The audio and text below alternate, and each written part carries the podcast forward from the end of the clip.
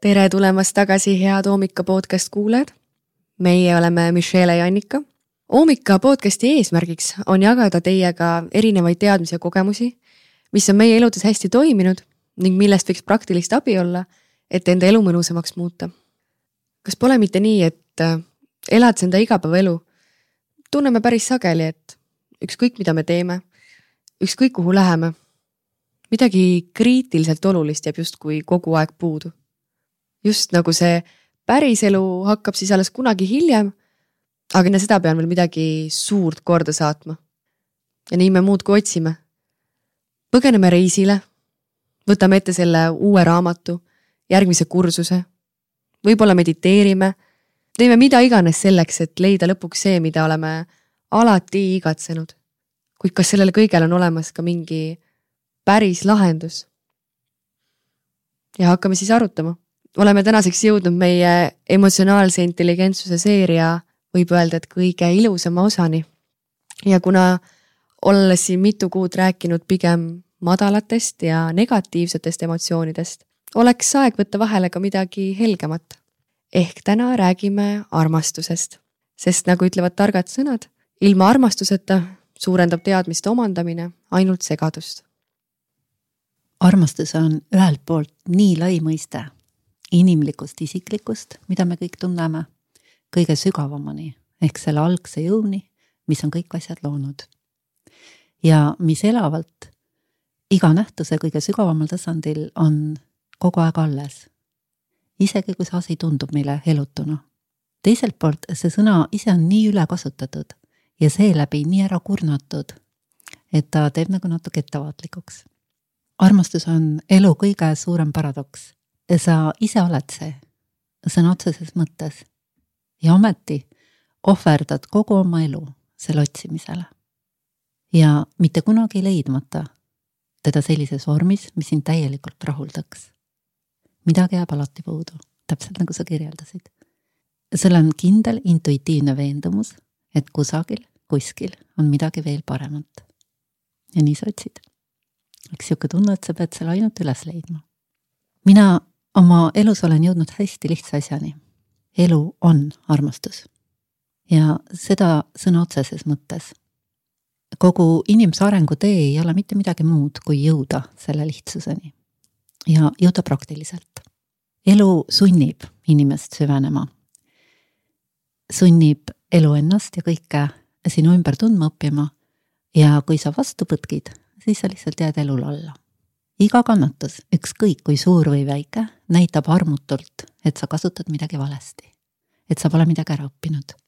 ja see tagasiside mehhanism on ülikiire ja nagu ma ütlesin, armutu. ehk elu on hästi elus. elu on ülitundlik sinu suhtumise ja tegude suhtes. see on selline jooksev hindamissüsteem justkui. ja kui sa selle läbi näed ja omaks võtad, siis saad sa seda kõige targemal moel ära kasutada. mida ta siis tegelikult õpetab? mina olen jõudnud selleni, et elu õpetab armastust. vahel kulub selleks meeletult palju aega, et lõpuks taibata, et tegelikult on kõik palju lihtsam. ja samal hetkel, kui ma selle läbi hammustasin, tekkis tohutu rahu ja kergus. selline tunne nagu tonn raskust võeti elult või seljalt maha. ja selliseid hetki elus nimetatakse taipamiseks sulle avaneb, nagu elusalt avaneb mingi saladus, mida sa kogu elu oled jahtinud. niimoodi välja öelduna pole see justkui mitte midagi. võib panna kuulajat õlgu kehitama, et liiga lihtne, mis siin ikka. aga sinu enda jaoks muutub kõik. sellise taipamise hetkest algab täiesti teine elu. see päris minu elu. see elu, mida kõik ootavad ja mis alati tundub alati natuke hiljem saabuvat ehk just täpselt nagu sa kirjeldasid, et ma pean veel justkui mingi asja ära tegema. tõelisel armastusel on väga selged ja lihtsad tunnused. ja hakkame siis arutama jälle. armastus pole emotsioon, mis tuleb ja läheb ja sõltub sellest, mis tuul parasjagu puhub. päris armastus on stabiilne, see on seisund. see on seisund, kus sa tunned ennast kindlalt. ja see on selline totaalne kindlus. ükskõik, kuhu sa ei lähe sa oled kodus, pärale jõudnud. armastuse kaksikvend on siirus. sa saad olla siiras siis ja ainult siis, kui sa tunned ennast turvaliselt. ainult kogedes armastust saad sa olla tingimusteta siiras. sul on kogu aeg hea, kindel ja turvaline olla. kõigutamatu turvatunde tõttu võid sa endale lubada olla avatud, aus ja vaba. Sest sa ei vaja kelleltki midagi. sest sul juba on see, mida kõik otsivad ja sa ei karda enam kedagi ega midagi, sest keegi ei saa sinult seda ära võtta. kõlab nagu vabadus. sellise seisundiga kaasneb soojus ja eneseväärtustamine, millel, selline eneseväärtustamine, millel ei ole mitte midagi ühist uhkusega. tekib järjest tuntavam ühesus kõigega ja kõigiga ja sa hakkad kogema lähedust. sind mõistetakse ja sina mõistad teisi. ja ükski töö või asi, mida sa teed, ei tundu enam eneseohverdusena. kui alla selle tasandi on elupidev ebatäiuslikkuse läbielamine, siis nüüd arusaamine maailmast pöördub sada kaheksakümmend kraadi. ja sa taipad, et iga asi juba on täiuslik. Et areng toimub täiuslikkusest täiuslikkusesse see on selline sügav rahulik intensiivsus. see seisund, millesse sa siis satud, kus kiiret ei ole enam kuhugi. aga samas aeglus ei kuulu sinu maailma enam ammu. armastuse kaudu hakkad sa elu mõistma. nagu hoopis, hoopis teisest kohast ehk elu ilu ja sügavus hakkavad avanema ja seda eksponentsiaalselt. Sa valid selle, mis ilmestub just nüüd just sellel hetkel. elu tingimusteta omaks võtmine. et kõik on nagu on ja see on okei okay.. ja see on selline seisund, milles sa koged vabadust, mis on pidev. sa hakkad selgelt nägema, et iga inimene elab oma arenguastme piirangutes. keegi lihtsalt ei oska paremini. Eks see on selline lause, mida me oleme läbi kõikide podcast'ide vist vähemalt korra öelnud aga alles armastuse seisundis muutub see sinu jaoks reaalsuseks. ja seesama kehtib ka sinu kohta, mineviku sina kohta. ehk kõik, mida sa oma minevikus kahetsed, sa tegid nii, sest sulle tundus sellel hetkel see kõige parem valik. kui sa oleksid osanud paremini, siis oleksid ka teinud paremini. Sa näed, et iga inimene püüab iga hinna eest leida täpselt ühte ja sama asja et kõikide tegude motiivid jooksevad kokku täpselt samasse kohta, leida see päris armastus. et kogu ärevus ja sellele järgnev läbipõlemine, totaalne pettumus ja sellest tulenev apaatia on ainult vägivalla tulemus. sellise vägivalla, et inimesed otsivad õiget asja absurdsetel viisidel. Ka kõige äärmuslikuma julmuse taga on tegelikult meeletu soov leida armastus. ehk inimesi juhib üks ja sama juurmotiiv mis on kõigil üllas. ja samas üks ja sama pimedus, mis on samuti identne. ja selle pimeduse nimi on teadmatus. ja et natukenegi seda leevendada, selleks see podcast sündiski. teadmatuse, see elab inimene nagu lõksu aetud loom, meeleheites ja väljapääsuta. Ja kui ta taipab, nagu sügavalt taipab ära selle, mis, millest ma just rääkisin siis see muudab elu rohkem, kui võiks arvata. ehk sellega kaob kõikide kurjade juur, süüdistamine ja süüdi olemine. ja kõige vastu, mis enne närvi ajas, tekib sügav kaastunne. ja selles kaastundes on armastus.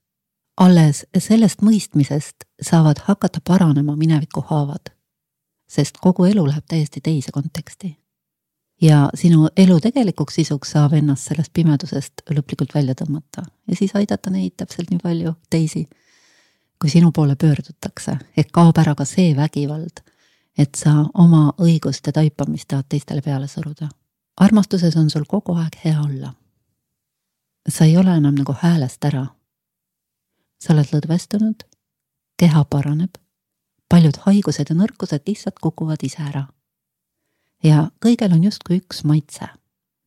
samas selle, sellel maitsel on nii palju nüansse ja sügavusi, et see ei tüüta mitte kunagi ära. ei muutu mitte iialgi läilaks ega igavaks. ja sa hakkad kogema elus olemist kui ülimat naudingut. tekib selline rõõm ja täitumus hetkest hetkesse. lisaks hakkate tajuma harmooniat totaalselt igal pool. Ja sellest tekib veel isesugune nauding. ja nii sa vaikselt hakkad armastust järjest sügavamalt ja sügavamalt mõistma, ise seda elades. ja see kunagine lapsik soov, et nüüd keegi tuleks ja mind armastama hakkaks ja selle kaudu mind ära päästaks, sa avastad, et enamus inimesi on sellesse muinasjuttu kinni jäänud. keelduvad nagu päris maailma ümber kolima. ja sul puudub vähimgi vajadus kellegi muinasjuttu lõhkuda et kedagi päästa. Ja nagu ma ütlesin, aitad ainult neid, kes ise sinu poole pöörduvad. et lõpeb vägivald igal tasemel. kaob ära ka selline halva ja hea mõistetava mõttes. sa hakkad vaatama nagu ainult sellest kriteeriumist lähtuvalt, kas mingi asi töötab või ei tööta. ehk kas mingi asi, mida sa kasutad, kas see lõhub elu või ehitab seda üles. ehk valikud saavad nagu hästi lihtsad. kui inimene hakkab tegelema vägivalla vabastamisega endast ehk emotsioonide transformeerimisega, hakkab temas avanema paralleelselt kaks fenomeni. esimene on selgus.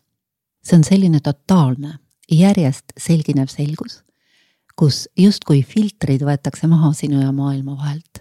sa hakkad märkama asju, mida sa enne ei märganud, leidma seoseid, mis enne olid varjatud läbi nägema inimeste motiive sellise määrani, et sinuga ei ole võimalik enam ühelgi moel manipuleerida. Sa nagu näed maailma täiesti uue, värske ja selge pilguga.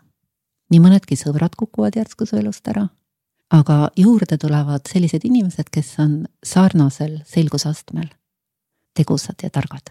tekib tohutu kaastunne, nagu ma juba ütlesin, oma endise nagu rahulolematuse poolt looritatud elu ja enda vastu selle segaduse ja valu sees ja teine selguse kaksikvend on rahu. Ja tasapisi avanema hakkav headus ja soojus oma kõikides jälle varjundites ja värvides. ehk elu tuleb ellu tagasi järjest suuremal määral.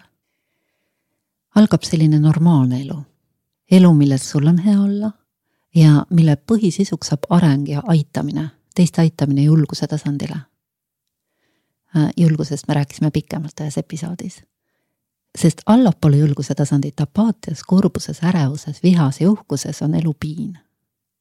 Ja seega nii hüppelauaks kui edaspidiseks saatjaks armastusele äh, on alati olnud ja saab olema julgus ja ausus.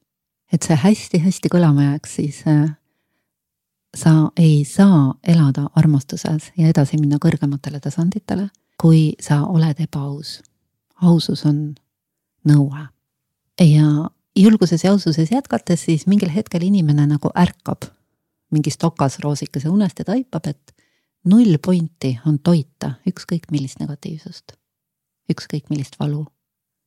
ja inimese areng ehk, kui nii võib öelda, siis emotsionaalne evolutsioon ohvriseisundist julgusesse võtab tihti pool elu, kui mitte rohkem. ja äärmuslikul juhul äh, vahel saab inimese elu enne otsa, kui inimene selle elementaarse tarkuse otsa komistab ja see ehk ongi kõige suurem traagika üldse, mida mina olen näinud, äh, mis inimesi tabab.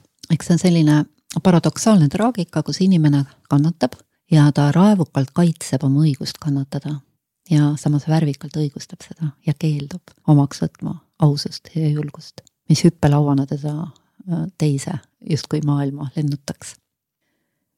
natuke julgusest räägin äh, edasi, et äh, aru saada, et see, see on üks koht, mm, kuhu saab hüpata, nagu ma julguse podcast'i osas rääkisin. Ja alles siis tekib otsustav pööre. ehk sa saad kogu oma elujõu kanaliseerida ümber, toitma seda, mis sind elus tugevaks teeb. ja see on kogetav teatud nagu ümbersünnina.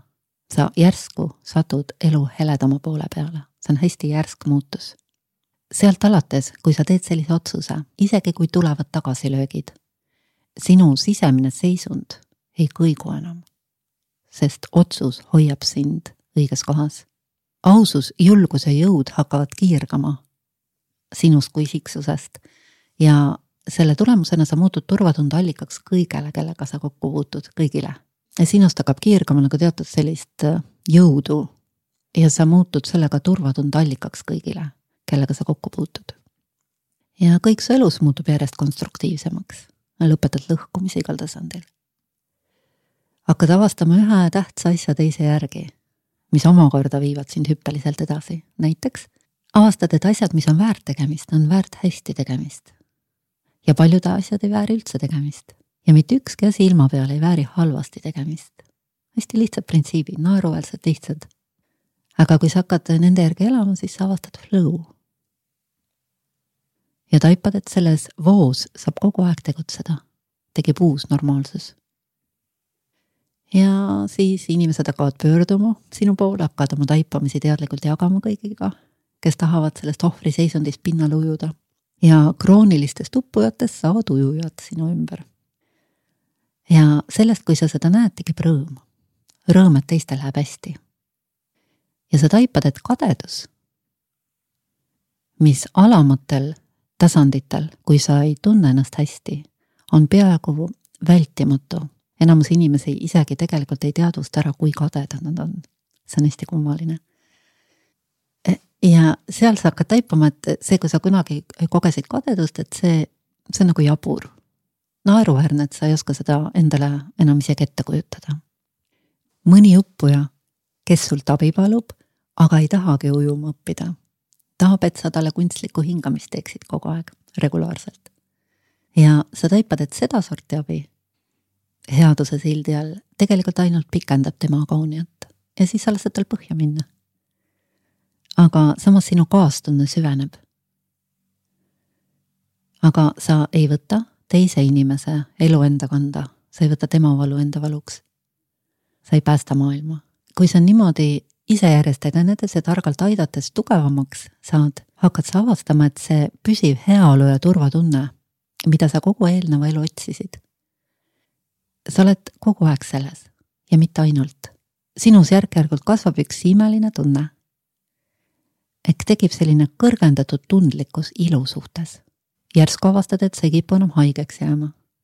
võid avastada, et su kaal hakkab langema või on ideaalseks muutunud kogemata vahepeal.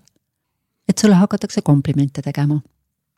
kui hea sa välja näed, kuigi sa oma väljanägemisse ülemäära ei panusta ehk sa oled muutunud selle tunde kujuliseks, mida sa kasutad. elu sinu ümber võtab järjest sama vormi ja seda nimetatakse külluseks. nüüd see tee armastuseni ei ole ainult väljavalitutele. selles ei ole mitte midagi utoopilist. sellel teel on üks vääramatu põhjanael. julge olla aus. julge olla hea ja töökas ja varem või hiljem sa avastad vaikuse avastad, et kogu selle asjadega asjatamise, tõusude ja mõõnade, mõtete emotsioonide taga on tohutu vaikus, tohutu vabadus, mis on kogu aeg siinsamas olnud ja oodanud, kuniks sa küpsed, et see avastada. ja siis tekib võimalus teha järgmine level up, aga sellest juba edaspidi. milliseks muutub inimene, äh, kui ta hakkab elama armastuses, et oleks nagu mõned sellised tugipunktid, kust äh, veel kinni hoida peale aususe ja siiruse. inimene, kes elab armastuses, on siiras ja südamlik, soe, helde, hooliv, toetav, kindel, kaastundlik, kaitsev, teisi tõstev, tänulik ja tunnustav ja andestav. selle inimese motiivid on alati puhtad, ta on üdini aus ja sinus ärkab üllus ehk kõige kõrgem joon, mis teeb su lummavaks ainult armastuses saab inimene olla alandlik.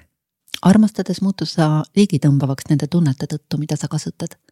armastus on selline olemise seisund, mida sa ei pea otsima. ta hakkab ise kiirgama, kui allasurutud emotsionaalse valu plokid on lahustatud. ja armastus on see, milleks me muutume. selle oskuse kaudu, kui me oskame oma valu vabastada, lahustada see toona meetod, mida ma õpetan, sündis armastusest, armastuse vastu sõna otseses mõttes. ja kui sa natukene hakkad seda maitsma, siis sa taipad, et elada selles seisundis on ainus normaalsus. kuna ainus, mida me tegelikult tahame, on armastus, andis Sedona meetodi looja Lester Levenson intelligentsile täiesti teise definitsiooni. ehk intelligents peaks olema määratletud selle järgi, mida me kõik kõige rohkem soovime inimese intelligentsusaste, on tema kirjelduses võrdeline tema võimekusega armastada ehk olla õnnelik. sellega on päris raske vaielda. armastav inimene on nagu valgus. ta on õnnistuseks kõigile, kellega ta kokku puutub. ta ei peagi nii väga midagi korda saatma, lihtsalt tema seltskond mõjub nii, et sinu valu taandub, ärkab inimlikkus. selline inimene mõjub leevendavalt. ta tervendab ainult oma kohalolekuga aga kuna tee püsiva armastuse seisundini käib tarkuse kaudu, on sellisel tegelasel tihti ka midagi asjalikku öelda, kui temalt nõu küsida. armastus ravib ja seda sõna otseses mõttes. armastus on kõige võimsam transformeerija. ta mõjuenergiana on nii võimas, et piisab, kui üks inimene mingis seltskonnas või inimgrupis seda kasutab, ta vaikselt muudab ära iga olukorra ja iga inimese selles natuke muudab. armastuse lähedal kogu inimlik väiklus ja pahatahtlikkus kipub lahustuma. nõme on olla nõme, kui su kõrval on midagi, mis on nii ehe, nii päris. kui sa hakkad elama armastuses, siis kogu su mineviku valu hakkab selles jooksvalt lahustuma. paljud jamad lihtsalt kukuvad ise ära. sa ei saa enam vassida, valetada, slikerdada, manipuleerida samal ajal paljud asjad, mida sa kogu elu olid igatsenud ja mis olid jäänud kättesaamatuks, alles siis saavad võimalikuks. Nad tihti kukuvad sulle ise sülle. tundub nagu müstika. tegelikult on see puhas füüsika. ehk selle energiaklassi mõju on nagu magneetiline. nii kõrge, et sa hakkad kokku puutuma, nagu ma juba enne ütlesin, elu ilusama osaga. ta kujundab ümber mitte ainult inimesed sinu ümber, vaid ka kõik olukorrad armastus annab erilise kindluse ja võimekuse teha asju, mida me tavaliselt mitte kunagi ei teeks. ja armastus annab jõudu inimestele sinu ümber. andestamine on armastuse üks vorme. võimekus näha inimesi ja olukordi läbi küpsuse ja selguse. kui sa hakkad läbi nägema, mis tasanditel lõviosa inimestest elab ja taipad, kui lootused on leida seda, mida nad igatsevad nendelt tasanditelt et teisi süüdistades ja ennast haletsedes ei saa kunagi, mitte kunagi mitte midagi sellist, mida sa igatsed, siis tekib tohutu sügav kaastunne. seda ma natuke puudutasin enne. ja tekib tohutu kaastunne ka enda vastu, et vaatad, joh ei tea, mis vigu ma olen teinud, kui palju haiget teistele, kui meeletult haiget iseendale, ühe lolluse teise järgi. ja ometigi tollel ajal tundus see kõige parem valik. ja alles sealt saad sa põhjani aru süüdistamisega nähtuse absurdsusest kõik vead tekivad ainult sellepärast, et me ei oska kasutada õigeid energiaid, õigeid emotsioone. taipad põhjani ära, et negatiivsus ongi valu ja ainult valu. ja et valu toodab valu juurde. ja et valu kasutades mitte ükski asi ei lähe paremaks, ei sinu sees ega nende sees, keda sa oma valuga üle kallad, näiteks üllal eesmärgil neid ümber kasvatada. taipad sügavalt ära veel ühe elu põhi sellise kuidas ma ütlen, nagu seaduse või, et eesmärk ei pühitse abinõu. Pole mitte kunagi seda teinud ja ei saa mitte kunagi seda tegema. ja siis see järjest süvenev kaastunne hakkab armastust avardama. kui alguses on väga terav vahe lähedaste ja võõraste vahel, siis süvenedes armastusse hakkavad need piirid sulama. sa hakkad vahetult kogema, et süvenedes ükskõik millesse, leiad sa alati lõputu ilu lõputu headuse, lõputu tarkuse. ja et kogu võitlus, vägivald ja valu on ainult pinnapealsus. et ka kõige valusama valu kõige sügavam aspekt on armastus. selle ma varastasin jälle Lesterilt. põrgu ja paradiis on pärit samast allikast. põrgul ei ole oma iseseisvat eksistentsi ehk kurjusel ei ole kurjuse juurt. ja just see teadmine avab võimaluse kogu sisemine emotsionaalne valu lahustada. Tänu sellele faktile ongi see üldse võimalik. Every emotion is love in disguise äh, avastas siis Lester Levenson, sealt see Sedona meetod sündis. ehk iga emotsioon on äh, maskeerunud valu. inimese võimekus äh, seda valu armastuseks tagasi transformeerida ehk oskus mitte olla valuori terve elu see on minu arust konkurentsitult kõige praktilisem oskus üldse. Ma ei ole kohanud ühtegi inimest oma kahekümne viie aastase karjääri jooksul, kes oleks kunagi kahetsenud, kui ta selle oskuse on omandanud, mitte ühtegi. ehk selline oskus annab inimesele arusaamise elust enda sees ja enda ümber täiesti äh, nagu süveneva sügavuse mõõtme. inimene avastab, et igasugune emotsionaalne ebaintelligentsus on vägivald. et kui sa mingi tunde alla surud, siis sa oled juba vägivaldne selle tunde vastu. Ja iga vägivald käivitab vägivallatsükli. allasurutud tunded hakkavad lõhkuma su keha, see omakorda tekitab rohkem ärevust mida sa siis omakorda alla surud, kuni sisemine pinge läheb nii suureks, et sa ei suuda seda enam peita. ja siis nähvad kellelegi ja nii käivitub põrguring. ja sellises mängus ei ole võitjaid. üheski sõjas ei ole võitjaid, kõik kannatavad. eemalt kainelt analüüsides on see puhas arulagedus. Ja ainus tarkus on see sõda lõpetada enda sees. kui inimene avastab endas selle otsustavuse, see teekond ette võtta valu vabastamise metoodika selgeks õppida, siis ta hakkab avastama endas headuse ja õnne selliseid varjundeid, mis on kaugelt üle selle, mida ta on igatseda osanud. armastus on alati kohal, ta ärkab kohe, kui sa soovid seda. Ta on kõikide asjade kõige sügavam aspekt. ükskõik milline valu, emotsionaalne valu apaatiast, ärevuse, raevuni on võimalik selleks alguseks tagasi transformeerida. selliselt, et sinu vangistatud elujõud vabaneb. et see, millest alustada võib-olla, võiks alustada lihtsast headusest. ehk lihtne headus enda ja kõige elava vastu on üks kõige transformeerivamaid jõude üldse. Kokkuvõtvalt võiks öelda, et armastus algab julgusest, julgusest valida vabadus julgusest õppida vabaks oma valust. julgusest lahustada vastuseis elule. ja vot siis läheb elu täiega ägedaks. mida rohkem sa teed ühte valikut, seda tõenäolisemalt teed sa seda jälle. ja kõik maailma targad õpetavad ainult üht, kuidas häälestuda segadusest selgusesse, pinnapealsusest sügavusse, ärevusest armastusse. sest armastus on alati kohal ja iga hetk on ainult sellepärast võimalik, et ta on sündinud armastusest. et ma võtan selle pika monoloogi siis kokku, nüüd ei lasknudki sul rääkida üldse midagi, äh, Lester Levensoni tsitaadiga. et armastus on vastus kõigele, eranditult kõigele, sest armastuses on iseenda reaalsus aga aitäh, Annika. täpselt kokkuvõtteks, et äh, sellest emotsionaalsest valust vabaneda tundub kordades lihtsam, kui selles elada ja seda kogeda. ja kogu selle teema kokkuvõtteks, nagu sai episoodi alguses mainitud, siis äh, nende päris lahenduste pakkumiseks, leidmiseks kutsume teid Annikaga juba üheksateistkümnendal märtsil Hestia hotell Euroopas toimuvale intensiivkursusele emotsioonide meisterlik juhtimine, kus saab äh, need tõesti need päriselt praktilised tööriistad, kuidas äh, sellest valust kiiremini välja jõuda ja kuidas teha enda elus see level up, et äh, see kõik ei jääks lihtsalt teoreetiliseks. et ootame teid, aitäh